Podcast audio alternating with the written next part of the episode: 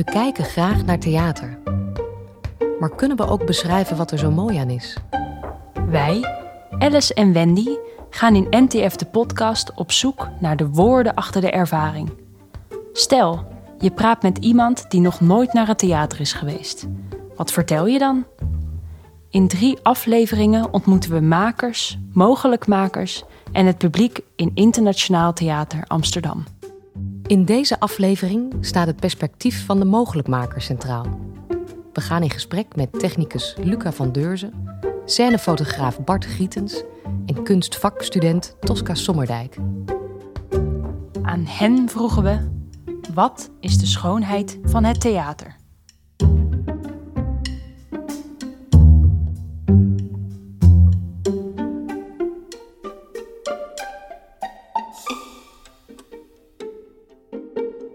Sta hier tussen de coulissen van het toneel van de stad Schouwburg en kijk omhoog in de toneelkap.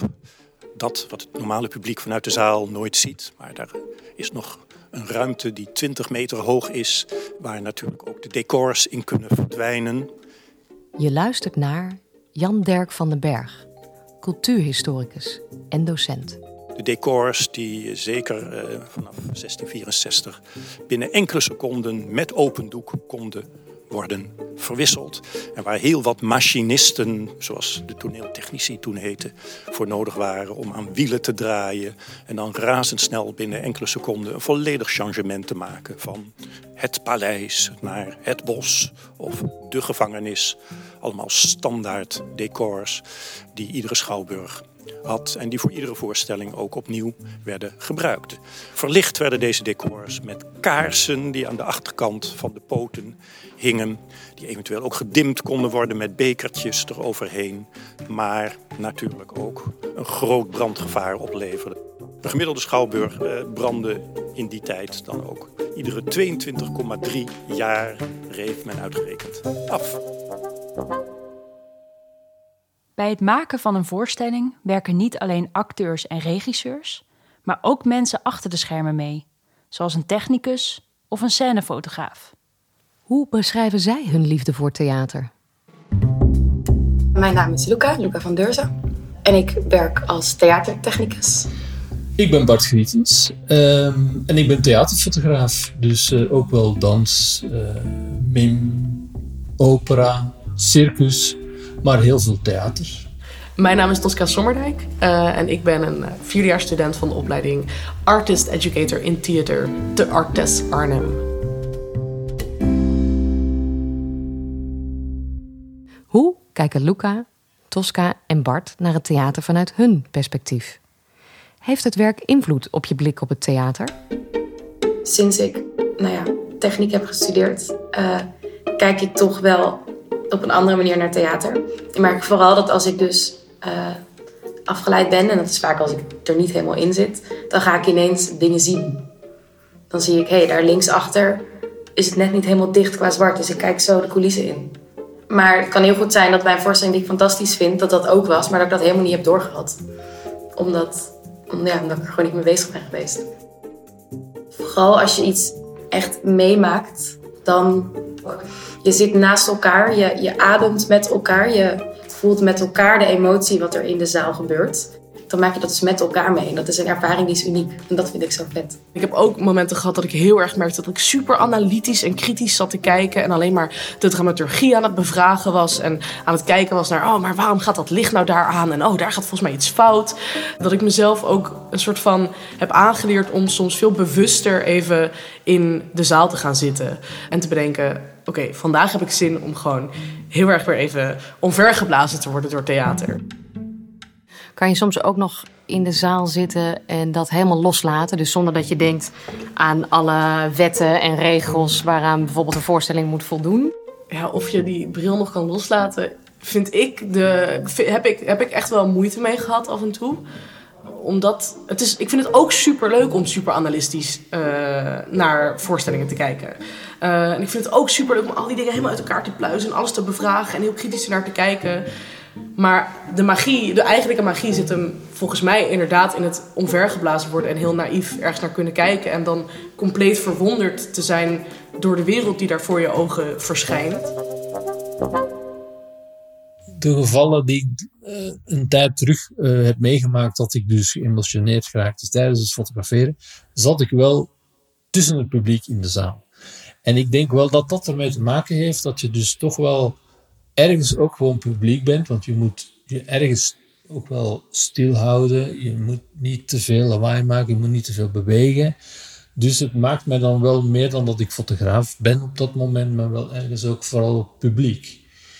En misschien ben ik daardoor dan ook meer ontvankelijk voor uh, die emoties die ik eigenlijk als fotograaf niet wil meemaken.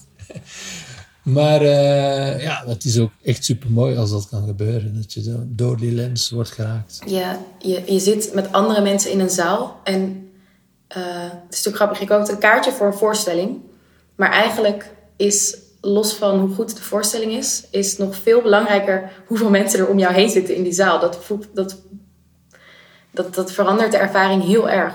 En ik denk dat daar iets heel moois in zit. Dat je met z'n allen die voorstelling kijkt. Ik weet nog dat we tijdens corona uh, toerde ik een, een musical, iets. Uh, en uh, toen hadden we op een gegeven moment de anderhalve meter. Dus dan had je allemaal kleine clubjes mensen in de zaal. En je merkte, nou ja, in het geval van deze musical dan, dat de lachsalvo's op een hele andere manier door de zaal gingen. Uh, en vaak korter waren, of juist langer, omdat ze een soort van stapsgewijs er doorheen stuiterden. Uh, en dat de, de acteurs, de zangers, moesten echt, hun, uh, moesten echt hun timing gaan aanpassen. Omdat natuurlijk eigenlijk wordt dat bijna meegemonteerd op welke manier er gelachen wordt. En ineens moesten soms toch gelijk door of juist even wachten. Dat was, was echt zoeken. Hoe beschrijf je de zee aan iemand die nog nooit de zee heeft gezien? Dat is een uitdaging. Als je aan iemand die nooit naar theater is gegaan, theater wil uitleggen wat je dan ervaart. Nou, eigenlijk zou ik zeggen, ik wil het niet uitleggen, ga maar gewoon.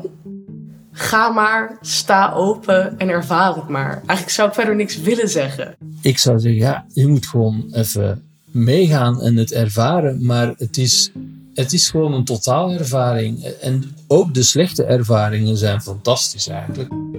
Um, ik probeer ook heel vaak, ik heb best wel wat vrienden die inderdaad helemaal niet in de cultuur zitten. Die probeer ik altijd wel naar voorstellingen te sturen. Vooral als die dingen maken waarvan ik denk, oh dit is toegankelijk genoeg dat je het ook als leek kan zien, maar dat je er toch wel echt iets uithaalt? Ik zou gewoon willen zorgen dat iemand erheen gaat. En dan misschien kan ik nog wel nazorg leveren of zeg maar napraten. Om dienstervaringen in perspectief te kunnen plaatsen. Uh, en te kunnen helpen met, ja, maar dat is dus theater. Daarom is dit cool.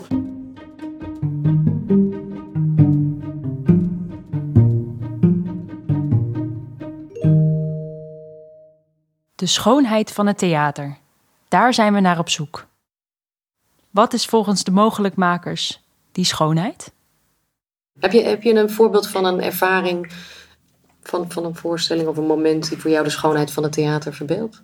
Nou, dat is misschien een beetje een raar voorbeeld, omdat het geen theater was. Maar uh, niet deze zomer, maar de zomer hiervoor stond Stromae op Lowlands. Uh, en ik stond helemaal midden vooraan de kostuum, de dans, de choreografie van alles met de band, video, licht. Er zat heel veel motion in met robotarmen, met videoschermen en lichten. En dat was gewoon in elk nummer helemaal fantastisch goed uitgedacht. Dus het was, het was muziek en het was kwalitatief heel goede muziek. Maar dat werd zo ondersteund dus door al die facetten die er waren. Uh, dat het dus bijna voelde als een theaterervaring. En dat, nou ja, dat vond ik echt heel vet. Uh, en daardoor toen realiseerde ik me zo erg van, oh ja, dit is theater en dat is dus heel cool. dat is ook wel grappig. De, de betere dingen die ik zie in theater zijn vaak afstudeervoorstellingen. Omdat, denk ik, studenten gewoon zoiets hebben van uh, no boundaries. We doen gewoon ons ding. Er is niemand, of, of ja, er zijn weinig, er is geen theaterdirecteur of een artistiek leider die zegt van ja, het moet helemaal anders of dit kan niet. En ze doen gewoon en acteurs geven die zich ook helemaal omdat het ook vaak een kans is om ergens te komen. Ja, het, ja, dat, ja nou, dat, het geraakt kunnen worden. Ik denk voor mij persoonlijk, het theater wat ik ook zelf wil maken, is theater wat raakt, wat emoties raakt. Um, wat emoties op kan wekken. Ook wat je dus waarschijnlijk dan niet verwacht, dat die emoties opgeroepen worden. Het, het verbazen. Maar de schoonheid zit hem op andere momenten ook, wanneer dat niet gebeurt, zit hem ook in dat er een prachtig decor en kostuum is. ehm, of dat er een prachtig lied is. Ook al raakt het me misschien emotioneel niet, dan raakt het me in de kunde, in de vakmatigheid. Misschien het, opgeslokt kunnen worden in een e- eventjes anderhalf uur, twee uur, tweeënhalf uur, hoe lang dat stuk ook duurt. In een andere wereld kunnen zijn, niet bezig zijn met het dagelijks leven. En volledig in die andere theatrale wereld opgezogen kunnen worden. Mm. Opgaan.